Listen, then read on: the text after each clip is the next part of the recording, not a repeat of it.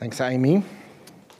What a wild chapter there is in Nehemiah. Uh, we're going to unpack some of that um, and uh, round up. It's the last chapter of Nehemiah, and so we're going to round up our series in Ezra and Nehemiah. One of the things I do when I uh, prepare sermons is I listen to other sermons. Uh, something I do to kind of get my headspace in the, the passage and start thinking about that. And uh, one of the um, sermons I listened to this week put me onto a, a new word. Uh, this is uh, Dave Chiswell, who preached at uh, City on a Hill. He put me onto the word recapitulation. Now, I've spent two years trying to, trying to learn big words, uh, and I don't have to anymore, but this one still stood out to me. Um, recapitulation, uh, one of the definitions of it is a concise summary or retelling.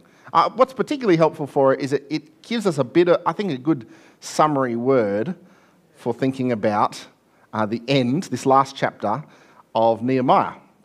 Right? So uh, we don't use the word recapitulation often, but you may know the word recap. Uh, we use that word often, right? Which means, um, Dave points this out, uh, recap is a recapitulation of the word. It's a brief summary of the word recapitulation. Um, we get a bit of that picture in Nehemiah 13. We get a recap oh, in the end of Nehemiah. We get a recap of some of the things that has happened. Uh, and so let's do that. Let's look back at what we've done. And we've been looking at the series in Ezra and Nehemiah, and we've looked at three leaders that have come up. We've got, um, this is using the images from the Bible Project. We've got Zerubbabel, Ezra, and Nehemiah. Now, I feel a bit for Zerubbabel. Like, the other two guys get a book named after them, like their, their names are known. I don't know if it's just because Zerubbabel's a bit of a, a tongue twister. And so uh, he, you know, everyone just like just skip over that name. Of course, if you read the books, you realise that that's not the worst, craziest name in there. Uh, Zerubbabel's job was rebuilding the temple. God's people were in exile. Uh, at that time, particularly, it's the Persian Empire has released them, said you can go back to your land. And Zerubbabel is the guy who leads the rebuilding of the temple, which is another thing I feel sorry for Zerubbabel because the first temple is built by Solomon and it's called Solomon's Temple. The second temple is built by Zerubbabel and it's called the Second Temple, which just seems like really unfortunate. In fact, the, the Zerubbabel's temple stands for about 500 years. Like it's, it's significant span of history that that temple is standing. But around Jesus' time, Herod comes in and decides to refurbish the temple, right? And so he spends some time refurbishing it. His refurbished temple only stands for about 70 years. What is that temple now called? Zerubbabel's temple, now refurbished, is called Herod's temple. So Zerubbabel, he rebuilds the temple, the second temple, uh, and that's his job. Ezra comes in. Ezra is the second leader, and he is the teacher. He's the man of the law. And so that's really the big thing we looked at as we looked at Ezra. He reads out the law, and he calls God's people back to it, and they, they hear the law. Their heart is turned back to God, and there's great uh, reform, great repentance amongst God's people.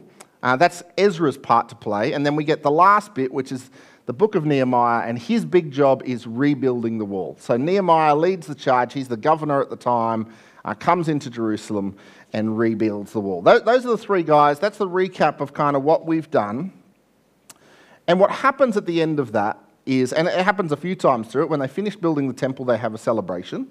When they finish building the wall, they have a celebration. In fact, the details of the celebration go on quite a few chapters at the end of Nehemiah. And uh, we already looked at that two weeks ago, uh, some of the start of those celebrations. Let me, let me um, take you back through. This is chapter 12. We didn't read this bit, but chapter 12, take you through some of the celebrations. Uh, I have slimmed this down a bit, mostly to skip over some of the big lists of names. So we're going to. Um, we're going to look at this. This is, this is some of the description of the celebrations. Nehemiah says, At the dedication of the wall of Jerusalem, the Levites were sought out from where they lived and were brought to Jerusalem to celebrate joyfully the dedication with songs of thanksgiving and with music of cymbals, harps, and lyres.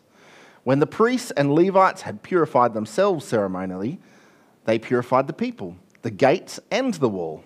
I had the leaders of Judah go up on top of the wall. Now, If you remember this wall, when they were building this wall, you remember Tobiah.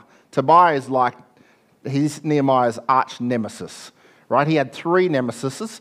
Tobiah is one of them. The other ones get a mention in uh, chapter 13 as well. But Tobiah, you remember his great criticism of the wall? If even a fox jumped on your wall, it would fall over, right? Now, now this is this is it, right? This is this is Nehemiah. He says, "I have the leaders of Judah go up on the wall." Right? This is the moment. Will this wall hold? That's not enough for Nehemiah, right? He continues his celebrations. We read on. He says, I also assigned two large choirs to give thanks. One was to proceed on top of the wall to the right towards the dung gate. Lucky them. Uh, they head off to the dung gate. Ezra, the teacher of the law, led that procession. So, a good delegation from Nehemiah. He says, Ezra, that crew's going to the dung gate. You're on the dung gate crew. Uh, Ezra, uh, Nehemiah jumps on the other crew himself. So, the second choir uh, proceeded in the opposite direction. I followed them on top of the wall together with half the people past the Tower of Ovens. I like to think it's like smell of baking bread. Like he sent Ezra to the dung gate, he's gone to like the baking wall, to the broad wall. Here's Nehemiah. This is his moment, right? He's gotten not just the leaders on the wall, he's gotten two huge choirs to march on this wall, right? This is his moment. I like to think that when they all got lined up on the wall, he pointed Tobiah out and they sung a song, something like, you know, look, look at us now. What do, you, what do you think of us now? Like, I feel like there's this, this moment that he's singing out to Tobiah uh, as they stand these huge groups on the wall. And then they head down from the wall, because, of course, before rebuilding the wall was the temple. The two choirs that gave thanks then took their places in the house of God. So did I, together with half the officials as well as the priests. And on that day they offered great sacrifices rejoicing because God had given them great joy. The women and children also rejoiced. The sound of rejoicing in Jerusalem could be heard far away. This is it, right? This is a people that had been torn from their homeland, their capital city had been destroyed, and now they've had this great opportunity to come back. They've been rebuilding. They've had great opposition. If you remember one section of Nehemiah, they are building with a sword either in their hand while building or a sword strapped to their side while they are building because of the great opposition they had. Now the wall is built, the temple is complete, and they are celebrating. And, and what a great line, that last one. The sound, of rejo- the sound of rejoicing in Jerusalem could be heard far away. Wouldn't that be a great place just to end the book? Right? Nehemiah's told this story what a great victory. We've done it. You know, the, builder, the wall holds up more than just a fox. It's amazing. We're celebrating. It's done. But that's not where he ends. In fact, the very next section of chapter 12, he goes into quite a dry bit of talking about reform. Like, he goes, you know, I put people in charge of this, I put people in charge of this. We, we made sure we got the musicians and the priests back into Jerusalem. They had to leave their farms and their homes. They need to move back into the city, set up the temple ready for active business. This is not, it's not good enough just to build the temple. We want to get the temple running. He said, but we need to look after these guys. So he organized the food supplies to come in and set up a big storehouse to bring in all the food for the people that are working in the temple so that they can be looked after, so that they can uh, manage, manage things and we get this, this great line at the end of chapter 12. It says, Just in the days of David, so in the days of Zerubbabel and Nehemiah.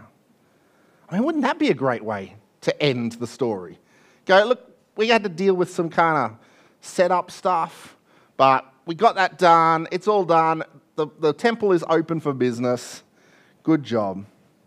But that is not where they end.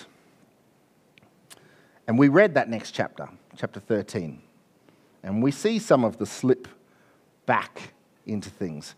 In fact, one of the reasons recapitulation is a good word to talk about this is because recapitulation has a second meaning.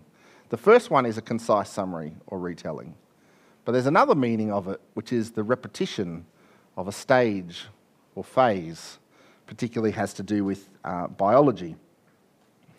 And we see that happening here. We see a repetition from God's people.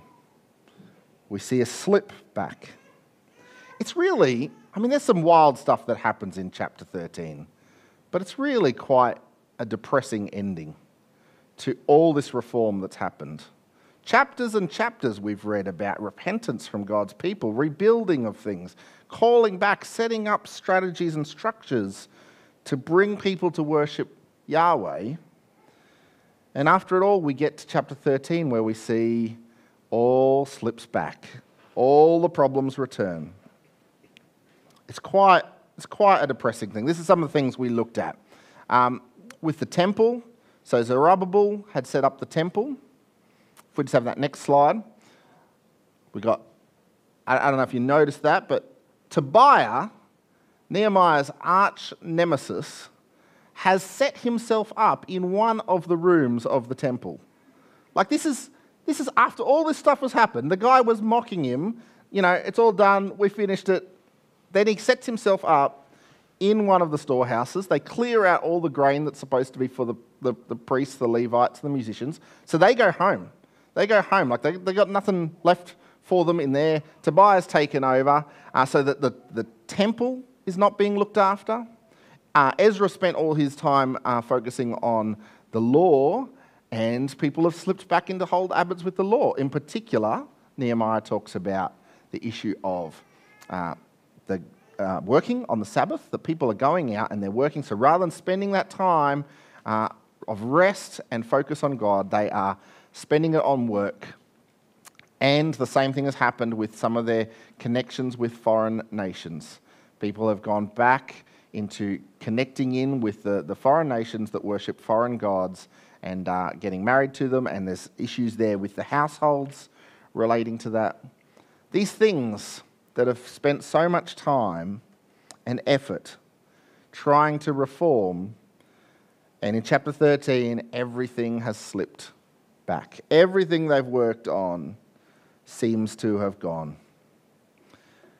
You can hear some of Nehemiah's exasperation in that chapter.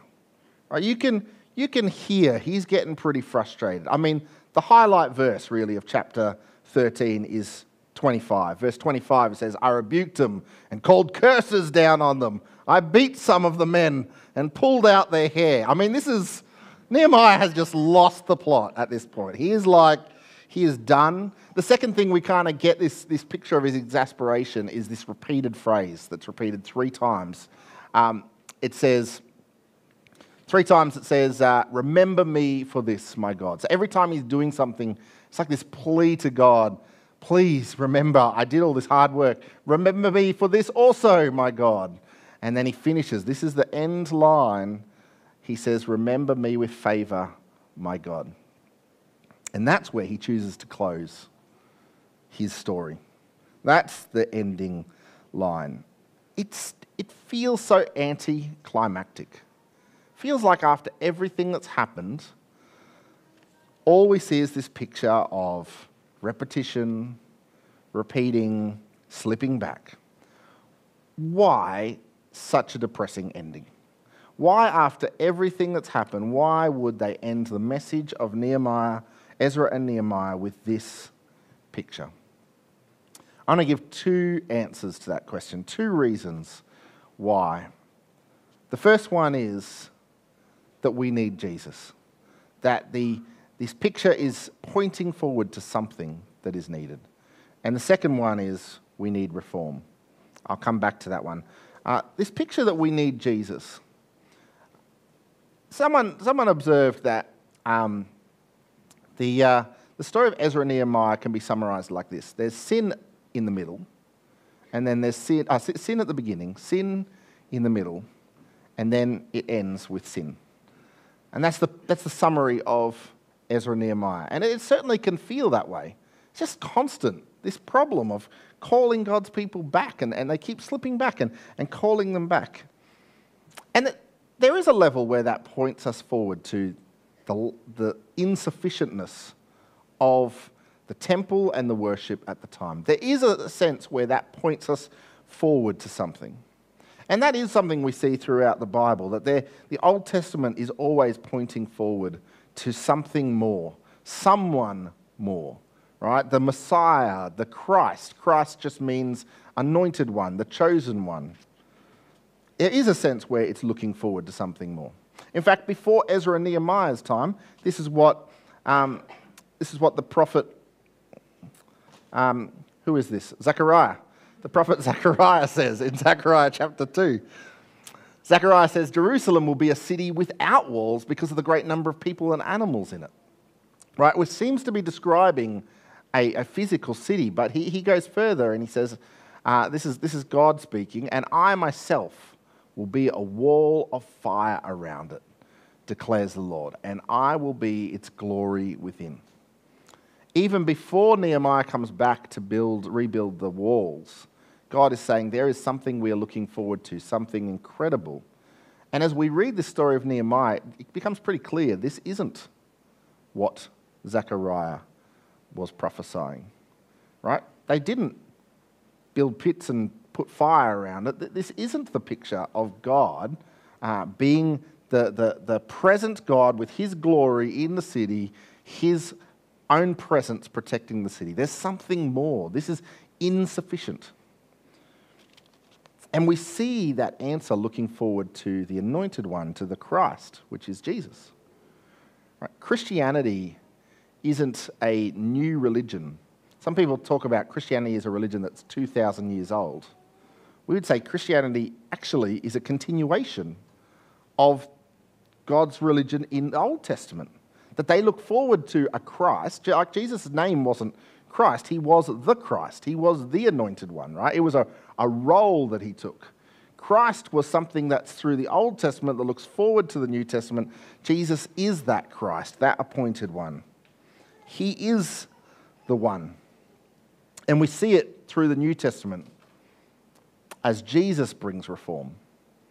You, you, you know, Nehemiah throws Tobiah's furniture out of the temple. We see a same picture, a similar picture with Jesus when he goes into the temple. Uh, this is what we read. Uh, we, we read it in Matthew, in John chapter 2, that Jesus goes into the temple. He sees the money changers there. He throws them out of the temple.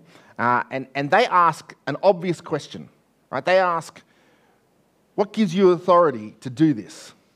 Nehemiah was the governor. Okay, he's, he had some level of authority to come into the temple. Jesus, at the time, he's a, a, carpenter's son who rocks up to the temple and starts throwing things out the way Nehemiah did. People say, well, What gives you that authority? Give us some sign, they say, to prove you have the authority to do. And this is what Jesus says He says, Destroy this temple, and I will raise it again in three days. Now, you can imagine that, that, that what's going on in their heads, right? Zerubbabel built the temple quite quickly. Well, there was an 18 year break in the middle. Besides the 18 break, the actual labour time, they built the temple quite quickly.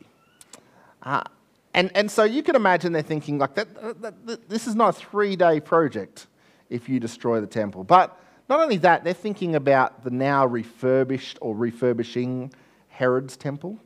And so they respond with this they say it's taken 46 years to build this temple, and you're going to raise it in three days.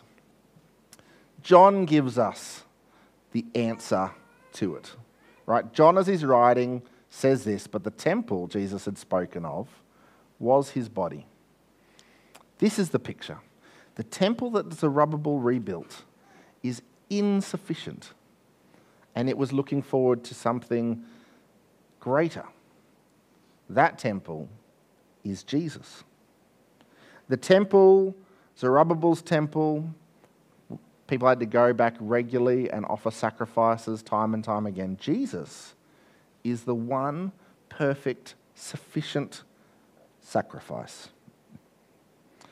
Zerubbabel's temple was a symbol of God's dwelling in, amongst his people. People went to the temple to meet with God, was the language they used. Jesus is God. Jesus is God who came to us. So rather than us going somewhere to meet with him, he came to us. Even more amazing than that, even added to that, is that when Jesus, before Jesus ascends, he uh, breathes his Holy Spirit on his people. He breathes his Holy Spirit on his disciples then, and uh, we see that is something that he teaches continues with people that are followers of Jesus today. That God's Spirit is in us. And that's why Paul uses the language. He says, Your body is the temple of the Holy Spirit. That is because Jesus is the temple, and now when we are united to Christ, the temple is in us. We can meet with God in our hearts. There is a unity with God. Jesus is the sufficient answer to the insufficient temple.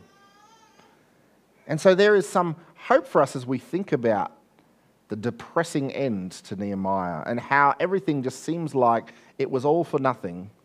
There is this hope that says it's actually pointing forward to something that is going to be sufficient, something that will answer that question. Nehemiah asks the question time and time again remember me for what I've done. And there feels like this, this desperation that God will notice his hard work and accept him for it. Jesus says, Remember what I have done. Jesus says the answer is for us to look at his hard work, at what he has done in his sacrifice on the cross. He says, Remember what I have done and receive me, and I will receive you. That is how we find favor with God, not by us working hard, but by trusting in the work of Jesus. I heard this uh, thought experiment of thinking about the idea of um, going for, before God as the judge. And, and, and thinking as you go before God as the judge, I've got to get in my head my argument. What, what's, my, what's my plea? What am I going in to say? This is what I need. This is why you should accept me. And just imagine, before you even open your mouth, God the judge says, Hey, I know you. You're one of mine. Even before you utter the words of defense, is the redemption is offered. That is the message of the cross. That is the message of receiving what Jesus has done. And I, I want to encourage you if that's something for you, that you're not sure where you stand with Jesus and, and working that out, I want to encourage you. The, the message of the cross is to receive what Jesus has done for yourself. That God's Spirit wants to live in you, that you would meet with God personally. And if that's something you'd like to talk to me or one of the team about more, we, we would love to talk to you more about that. That is the message of the sufficiency of Jesus' sacrifice. God's people rejoice so greatly at what they have in their temple and their walls that it can be heard from far away. And we have something even greater, and we have even more reason to rejoice. So, this depressing ending of Nehemiah points us to something more. We need Jesus. But it's not just that, it's also a reminder that we need reform. We want to be careful to not overly dismiss what Nehemiah has done as just a, a waste of time. There's genuine reform that happens amongst God's people. And, and, and the hard work of chapter 13 is actually a message to say, don't give up the reforming. The hard work of chapter 13 is Nehemiah didn't just finish at chapter 12, set things up, let them go into disarray, wash his hands of it, and leave. No, we're told he comes back and he works at it again. There is a message there about the hard work of reform. I heard a story, um, story actually, uh, that the great teacher Don Carson was, was saying about the Welsh revival. Uh, there was a number of revivals in Wales.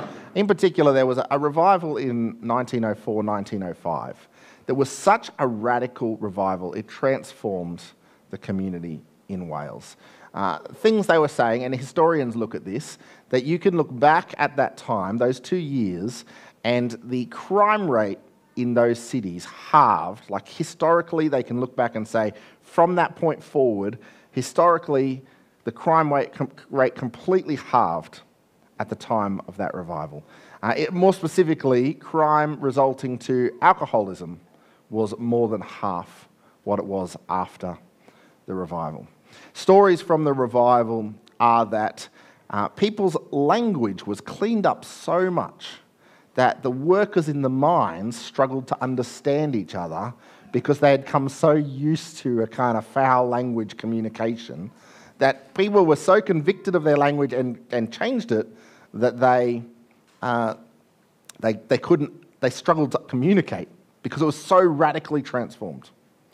Uh, Don Carson tells the story that he visited Wales uh, when he was quite young, and uh, he met, he went to a church there, and there was a lady there who had lived through the revival, and he was chatting to her about it. He was quite interested in it, and he was asking her lots of questions. But he ended up asking this question. He said, "Is it true that?" Uh, the language was cleaned up from the miners so much that people struggled to understand. And she said, It is true. My father was a miner, and he would tell that story that he stopped using certain language and people couldn't, they struggled to understand what he was talking about at certain times because it was such a radical change. The thing with the, ref- the, the um, revival in Wales is it was quite a short lived thing. It was a two year revival. The impact is actually global. A significant number of uh, missionaries to India came out of that revival. The revival had significant impact on Britain as a whole.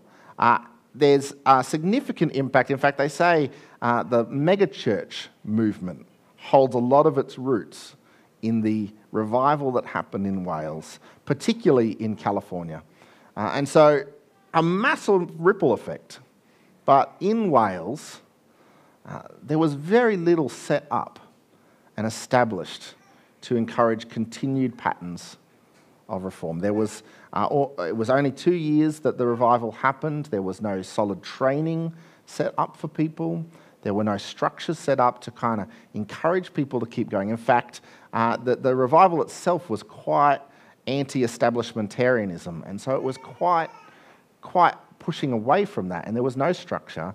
And so when Don Carson asked this woman, What do you do when you're looking for spiritual nourishment? She said, I listen to preachers from outside of Wales.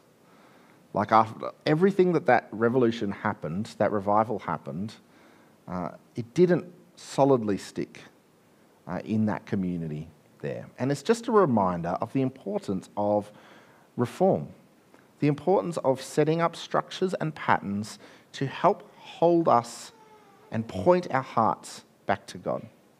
And that is something that takes effort and time. One of the great, uh, one of the, the great things about the good news of Jesus is that God is reforming us.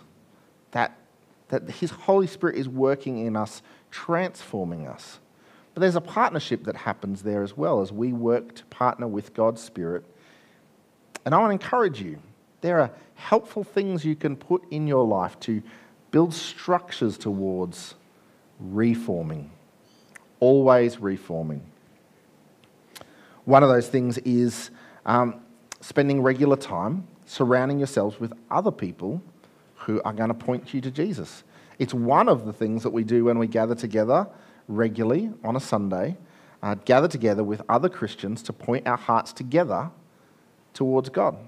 And, and I want to encourage you that uh, that's something that's helpful to do on a regular basis. Uh, I know that the way kind of life works and lots of things move around and, and we have busy lives, but I want to encourage you that regularly meeting with other Christians is significant uh, and life transforming and worth the effort. It's significant for you, and I want to also say if you have children, it is incredibly significant for the message you communicate to your kids when you say, This is a priority for us. This is a priority for us to make sure that we are always putting God first, always uh, putting uh, things of God ahead of some of the other things that come up in our life. Spending time with God's people is a reforming thing. Spending time in God's word and prayer is a reforming thing. And, and I know that, once again, that's, a, that's a, a wrestle for many of us. Once again, I would say community is one of the best things for us in that. This is what we're doing right now, spending time in God's Word. Uh, our small group program, our life groups, uh, and focus uh, for women on Wednesdays, they, they, they are programs that get people together to spend time in word and prayer together because God's word and prayer is reforming things. And I want to encourage you in your own personal engaging in God's word and prayer. Part of the message of this depressing end to Nehemiah is that the work of reform is ongoing. And we need to do that work. It's important to do that work and, and, and take the moments, the high moments of joy, and plug them into moments of setting up healthy patterns to point us towards God. And I would encourage you as we finish this series, and we've been spending time thinking about building God's people, this is a, a critical thing for us. We need Jesus, and He is the one. We're not, we're not spending our lives rebuilding a temple, Jesus is the temple. But we are spending our lives in reform, pointing our hearts back to Him. And we want to work at that. Let me finish by praying. Lord God, we, we thank you for Jesus, that He is the sufficient sacrifice, that we might be called one of yours, that we uh, receive the work He did, and we receive him. And it points us to you and transforms us in you. We pray, Lord, that we will rest in that and not have the, the call of Nehemiah to say, have favor on me because of my hard work, but we know you have favor on us because of what Jesus did. And Lord, we pray that because of that, we will want to put in the hard work, the hard work of constant reform, of pointing our hearts to you, setting up patterns in our lives that hold us to you. In your name, amen.